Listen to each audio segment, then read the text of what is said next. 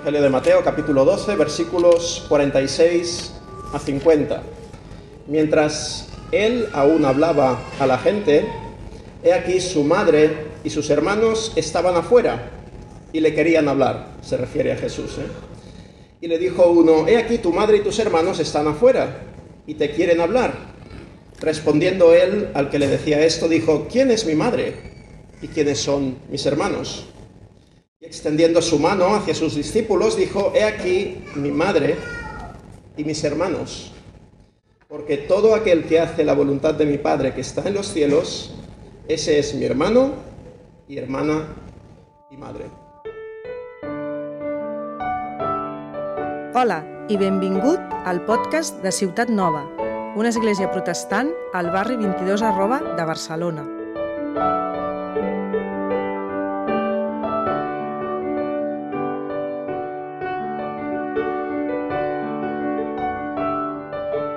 Iglesia, decíamos, es la familia de la fe. ¿Quién es la iglesia? Podríamos preguntar. ¿Y qué hace la iglesia? ¿Cuál es su identidad y cuál es su misión? Y eso es lo que nos estamos preguntando en esta serie de predicaciones que venimos haciendo este último mes. Y si este texto responde de alguna manera, que yo creo que sí, a esta pregunta, lo hace diciéndonos lo siguiente. Lo que demuestra nuestra verdadera identidad es nuestra manera de actuar.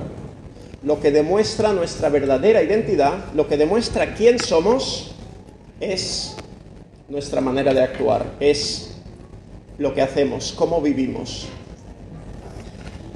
Tenemos aquí un momento en el ministerio de Jesús en el que Jesús es alguien conocido, es alguien popular, es alguien que empieza a tener influencia, ¿no? Jesús se ha convertido en alguien muy popular. Y lo que vemos en este texto es que su familia se preocupa por él. Su familia está preocupada. En el texto de hoy veremos cómo Jesús tiene una familia carnal, pero hay una familia que va más allá de esta familia carnal. Una familia en la que el vínculo más importante no es físico, sino espiritual. Eso no significa que en esa familia los temas físicos no sean importantes, pero la entrada a la nueva familia que trae Jesús se da a través de lo que llamaríamos un nacimiento espiritual. Un nacimiento que se experimenta cuando escuchamos palabras como las que ya hemos escuchado antes, ¿verdad?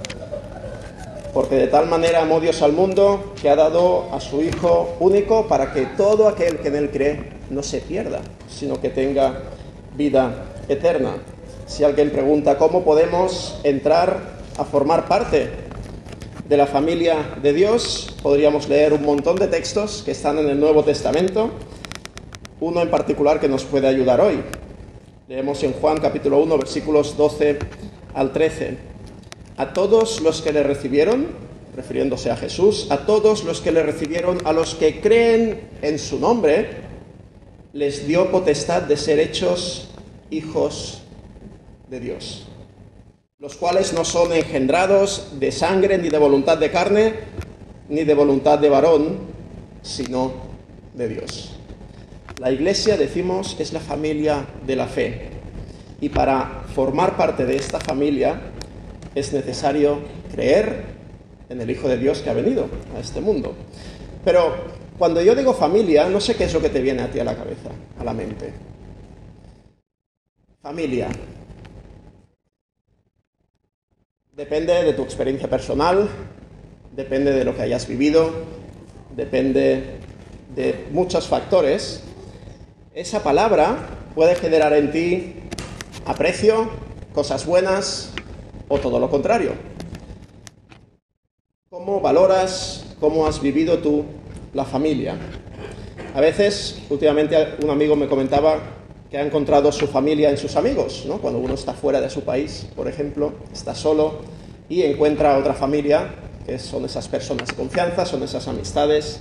Mis amigos, me decía, se han convertido en mi familia. Todos buscamos vínculos que nos unan.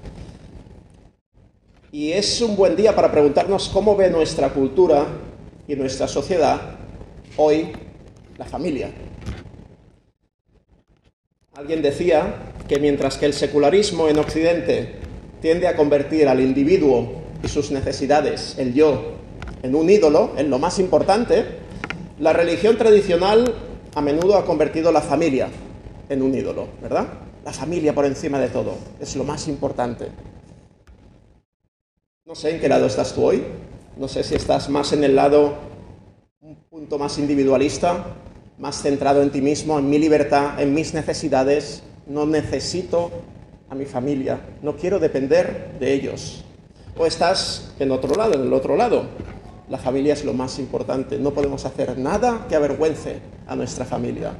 Nuestra familia tiene que estar bien fundamentada, tiene que ser ejemplar. ¿En qué lado estás? Pues sea como sea, las palabras de Jesús que hemos leído hoy y el Evangelio tienen cosas a decirte hoy. Y hay tres puntos que voy a usar para entender el texto de hoy y para aplicarlo. Tres puntos que se desprenden de lo que acabamos de leer. En primer lugar, la familia de Jesús. Después veremos la pregunta de Jesús y al final la respuesta de Jesús. Fácil, ¿no? La familia de Jesús, la pregunta de Jesús, la respuesta de Jesús. Pues vamos a empezar por lo primero de los puntos. Jesús y su familia. No sé si te has planteado alguna vez cómo era la relación de Jesús con su familia carnal. La realidad es que si tú lees los Evangelios, verás que Jesús, aunque a veces parece, entre tú y yo, ¿eh? un punto antipático, lo que diríamos hoy a veces, un poco borde, ¿no? Con su familia, ¿cómo responde Jesús de esta manera a su madre? ¿no? Parece a veces que es un poco antipático, parece, parece, ¿no? Pues nada más lejos de la realidad. Jesús, si vemos eh, su ministerio, veremos que ama, cuida y honra a su familia carnal. Jesús en ningún caso desprecia a su familia carnal. La Biblia empieza con el Dios creador que crea un mundo que es todo bueno, en el que todo está bien. Y como, em, digamos, eh, colofón de esta gran creación, Dios crea al ser humano, hombre y mujer. Pero claro, enseguida, cuando vas leyendo el primer libro de la Biblia, te das cuenta de que el ser humano decide rebelarse contra su creador. Y desde ese mismo momento, desde Génesis 3:16, toda la Biblia te muestra el plan de salvación de Dios. Lo que Dios hace para resolver esa ruptura que ha habido entre el Dios creador y sus criaturas. Y entonces, en el centro de ese plan de salvación, vemos que Dios se hace hombre en la persona de Jesús. Y cuando llegas al Nuevo Testamento, ves cómo Dios hace algo tan extraordinario como hacerse en la persona de Jesús un bebé. Algo tan frágil, algo hoy... ¿Dónde está Obed? ¿Está por ahí? Está por ahí atrás, al final de todo. Obed ya, no sé si es bebé o no es bebé. Juan Pablo, ¿tú qué dices? De bote, ¿no? Vale, vale, vale. Muy bien, muy bien. Pero cuando ves a un bebé, ¿no? Ya no Obed, porque ya Obed se espabila solo, se ríe, se levanta, ya... Pero la sensación que te da un bebé que acaba de nacer es una sensación de cariño, si tú quieres, es una sensación de alegría, pero es una sensación de fragilidad. Esa, criatura que está ahí, no hace nada, ¿no? necesita que se lo hagan todo. Y eso dura un tiempo. ¿no? Por tanto, es difícil encontrar algo más frágil que un bebé. Pues bien, cuando Dios viene a este mundo para resolver el problema del pecado humano, entregándose en esa cruz, empieza haciéndose un bebé.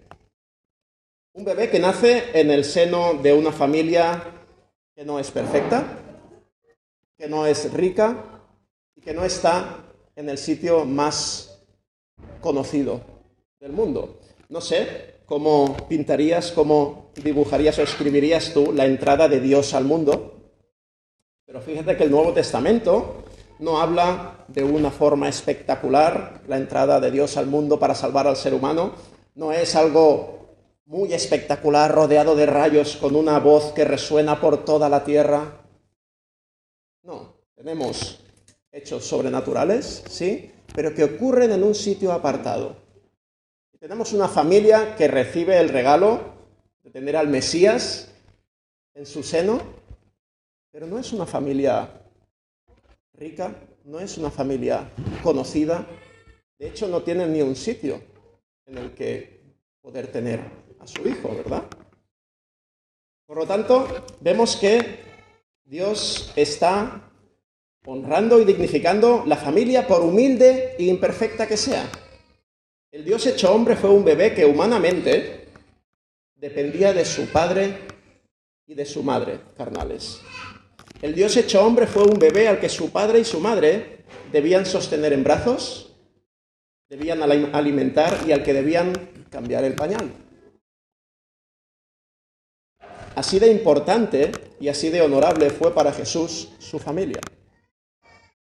Se puso en sus brazos de alguna manera. Pero en el texto de hoy vemos cómo esta familia carnal a la que Jesús ama y honra tiene una preocupación. La familia de Jesús está preocupada. La familia carnal de Jesús sufre por él.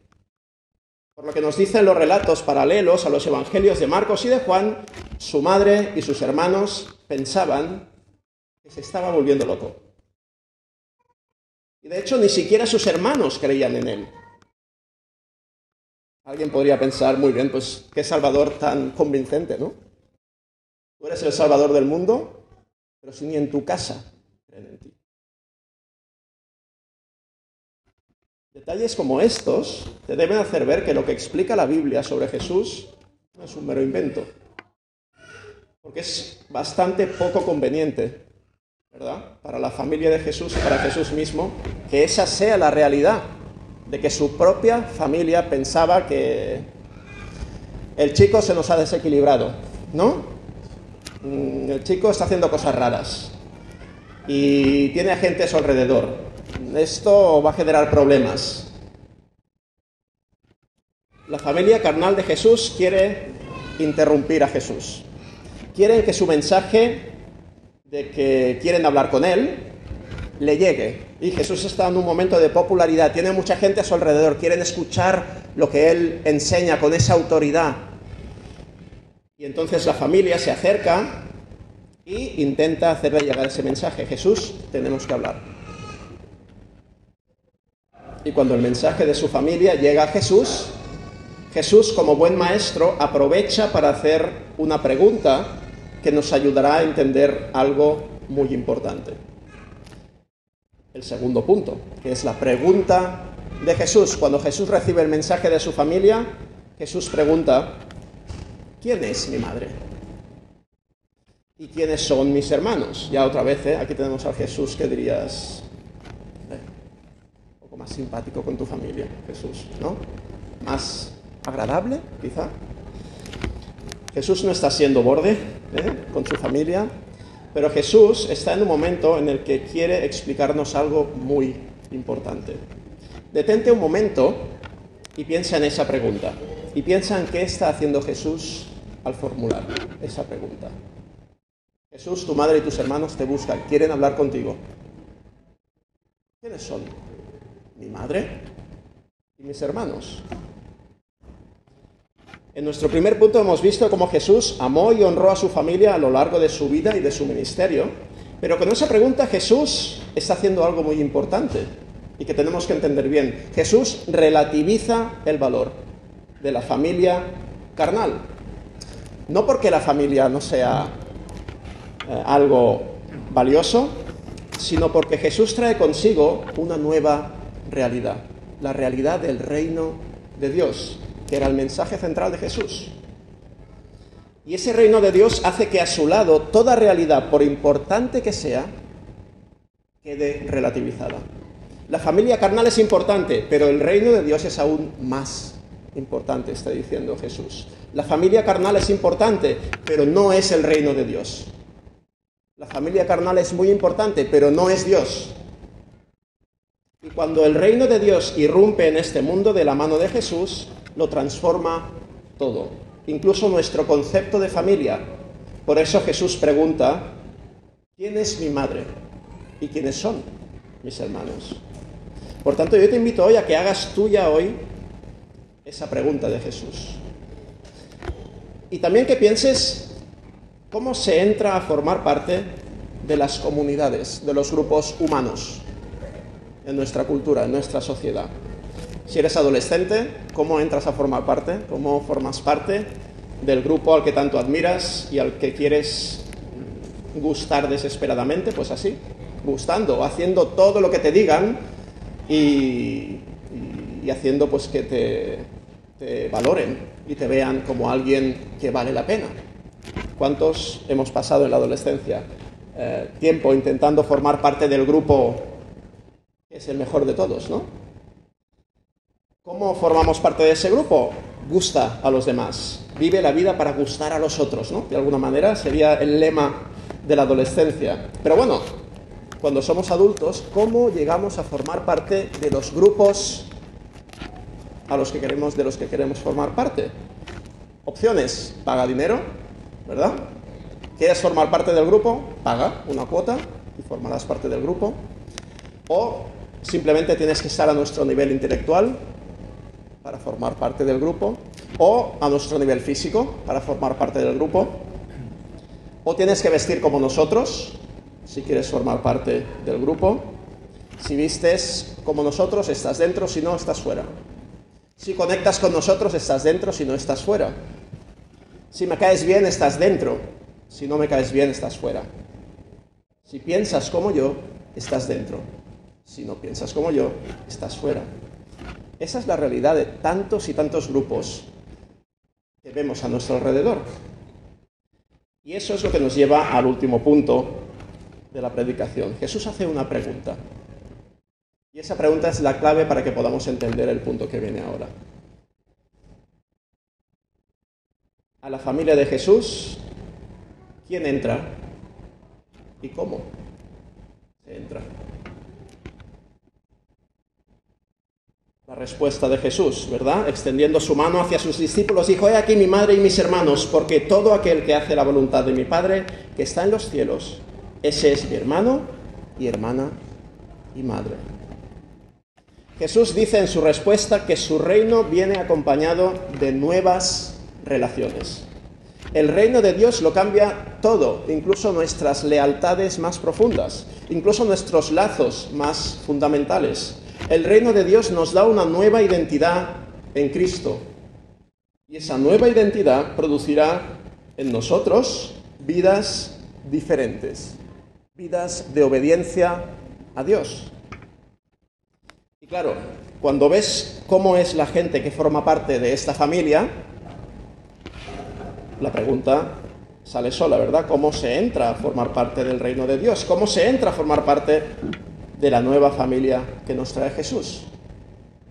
¿Cómo podemos ser hijos de Dios y hermanos de Cristo? Y como hemos leído antes, la respuesta bíblica es por fe en Jesús, creyendo en Jesús. A la familia de Jesús se entra por fe en Jesús. Pero claro, ¿qué significa tener fe en Jesús? ¿no? Podemos preguntar, hemos escuchado eso tantas veces, a lo mejor, ¿no? Pues al final, tener fe en Jesús significa confiar en Él. Significa creer que Él es el Hijo de Dios que ha venido a este mundo. Aceptar lo que las Escrituras dicen acerca de Él. Reconocer que la obra de salvación de Cristo en la cruz es tu única esperanza para recibir el perdón de Dios que tanto necesitas. Para recibir el pecado, el, perdón de tus pecados y ser acogido en la familia de Dios. Reconocer, entender, aceptar, confiar, creer que eres más pecador de lo que piensas, para entonces descubrir que eres más amado por Jesús de lo que podías imaginar. Creer que eres más pecador de lo que piensas, más injusto de lo que piensas, para entonces descubrir la gracia de Dios, que te dice que eres más amado por Jesús de lo que nunca pudiste imaginar. Confiar en esa justicia que Él entrega en la cruz, confiar en la obra de salvación de la cruz. Seas un niño pequeño, seas un adolescente, seas adulto, no hay otro requisito. Pero no nos engañemos tampoco. Y aquí hablo a las personas de iglesia. Una fe que da frutos, no una fe cualquiera. Una fe que genera cambios en nosotros, que nos hace ser personas diferentes. Una fe que cambiará nuestra forma de vivir y nos transformará en discípulos de Cristo. Porque Jesús te está diciendo aquí, o vives como mi discípulo o no formas parte de mi familia. Creer en Jesús es lo que da entrada a esa familia. Y creer en Jesús tiene consecuencias, porque si no esa fe no es verdadera. En las predicaciones anteriores hemos dicho varias veces que la misión de la iglesia es hacer discípulos de Cristo, ¿vale? Pero bueno, alguien podría decir, ¿pero qué es un discípulo? ¿Qué es hacer discípulos? En realidad, un discípulo es un aprendiz, alguien que aprende de su maestro, un seguidor. A los cristianos se les llamaba, antes de llamarlos cristianos, discípulos. Y bíblicamente hablando, un cristiano es un discípulo de Cristo, aquel que sigue a Jesús, que aprende de Él y que cada día se parece más a Él. Y leía esta semana un autor que dice lo siguiente, creo que es como iglesia bueno que lo tengamos en mente, la iglesia no está llamada a hacer nuevos miembros para hacer crecer nuestra institución, sino verdaderos discípulos de Jesús debemos asegurarnos de que la tarea de hacer discípulos es la tarea principal en nuestras casas, en nuestros barrios y en nuestras iglesias. Hacer discípulos es predicar el Evangelio a aquellos que no lo creen, pero también ayudar a los creyentes en Cristo a hacer cada vez más parecidos a Cristo. Y para llegar a eso no es suficiente con nuestra reunión de los domingos, por importante y necesaria que ésta sea. Dice este autor acabando, el mayor crecimiento no es el crecimiento de la iglesia, sino el crecimiento del Evangelio y de los frutos de este Evangelio en la vida de los creyentes en Cristo. Interesante, ¿verdad? ¿Cómo lo plantea? A la luz de esto podemos definir, podemos decir que la familia carnal de Jesús no tiene un privilegio especial con él. La familia carnal de Cristo no tiene un lugar privilegiado en su reino y eso es una gran noticia para ti y para mí hoy. Porque no sé tú, pero yo no tengo lazos familiares carnales que me unan a Jesús. ¿eh?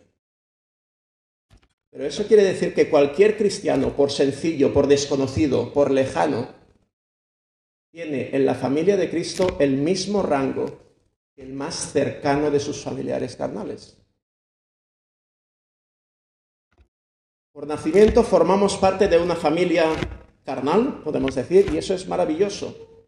¿Qué haríamos sin nuestras familias, verdad? Pero hay otra familia a la que se entra por fe en Cristo.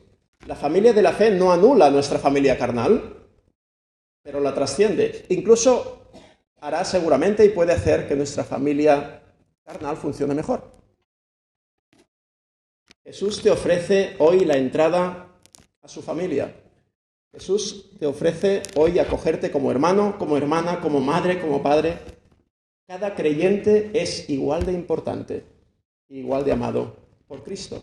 A diferencia de lo que ocurre a veces en las familias, como en la mía, que yo soy el favorito de los cinco hermanos, ¿verdad? Sabes que estas cosas pasan.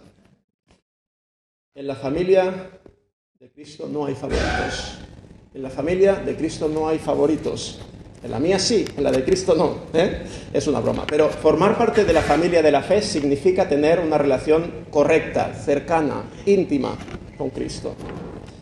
Por tanto, vemos que Jesús da a todo el mundo la oportunidad de formar parte de esa familia espiritual. Una familia que rompe con toda barrera de raza, de sexo, de nacionalidad. La familia universal definitiva. Y en nuestra sociedad, no sé si lo has escuchado alguna vez, ¿verdad? Pero más de una vez se habla de la necesidad de que haya esta gran fraternidad, esta gran unión entre los seres humanos para que las cosas funcionen mejor en nuestra cultura, en nuestra sociedad. Pues según las escrituras, lo único que puede unir a los seres humanos en esa fraternidad universal es Cristo y es su Evangelio. Así que, como Jesús hacía preguntas, pues pregunto yo también, ¿qué vas a hacer hoy tú con ese ofrecimiento? La iglesia es la familia de Cristo. Desde la eternidad el propósito de Dios es que Él fuera, Cristo, el primogénito entre muchos hermanos. ¿Te gustaría tener a Cristo como hermano mayor? No desaproveches hoy esa oportunidad. Y también haciendo más preguntas, ¿dónde encuentras tú hoy tu identidad? ¿Quién eres? ¿La encuentras en tu familia carnal o la encuentras en Cristo? ¿O la encuentras en tu trabajo? ¿O la encuentras en tu papel en el grupo de amigos? ¿Dónde encuentras tu identidad? La venida del reino de Dios nos dice que nuestra identidad tiene que estar fundamentada en Cristo. ¿Quién es tu Dios? ¿Quién es tu maestro al que sigues? Porque todos tenemos un Dios o todos tenemos un maestro al que seguimos. A lo mejor somos nosotros mismos, pero todos vivimos siguiendo a alguien o a algo. Y si formas parte de la iglesia, deja que te pregunte, ¿eres familiar de Jesús solo de nombre ¿O eres de aquellos que hacen la voluntad del Padre de Jesús? Es una buena pregunta para hacernos, ¿verdad? ¿Eres familiar de Cristo? Para acabar, me gustaría leer una frase de un autor, de Tim Keller, que nos habla de, de la idea de la familia que encontramos en la Biblia. Dice eso, dice esto Tim Keller. La comunidad basada en el Evangelio practica una visión de la familia que es contraria tanto a los ídolos culturales de las sociedades seculares como de las tradicionales. El Evangelio libera a los solteros de la vergüenza de ser solteros que encontramos en las culturas conservadoras. La verdadera identidad de cada persona está en Cristo y su esperanza futura y segura es el reino de Dios. Incluso tener hijos, desde la visión cristiana, está encaminado a nutrir más vidas para la familia de Dios. Y eso en el cristianismo se puede hacer de otras formas que no sean la biológica. Por otra parte, el Evangelio nos da la esperanza y la fuerza, Juan Pablo Noemí, atentos, ¿eh? Nos da la esperanza y la fuerza para los sacrificios y renuncias que implican el matrimonio y la paternidad, y de esos recursos a veces carece nuestra cultura, ¿verdad? Los cristianos comprenden que fueron llevados a la vida eterna gracias al sacrificio radical de Jesús, que renunció a su independencia y a su poder. Y sabemos que los niños solo reciben vida y autosuficiencia si sus padres sacrifican gran parte de su independencia y su poder. Pues bien, esto a la luz de la cruz, dice Keller, es lo mínimo que podemos hacer y acaba diciendo, el Evangelio no es religión ni es antirreligión, es otra cosa. La influencia vital del cristianismo que entiende el Evangelio de forma bíblica en una sociedad no producirá ni una cultura progresista y secular, ni una cultura tradicional y conservadora, sino algo que rara vez habrás visto antes. Es un reto como iglesia poder dar cabida a esa a ese Evangelio, ¿verdad? Poder mostrarnos a la gente de nuestro alrededor como esta comunidad de contraste en nuestra sociedad. Dicho todo esto, pido que recuerdes esas preguntas que hemos hecho. ¿Dónde encuentras hoy tu identidad? ¿Quién es tu Dios? ¿Quién es tu Maestro al que sigues?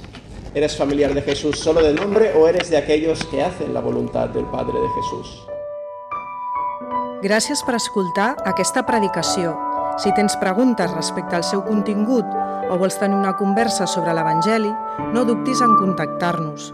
Escriu-nos o visita'ns a www.cn22.org.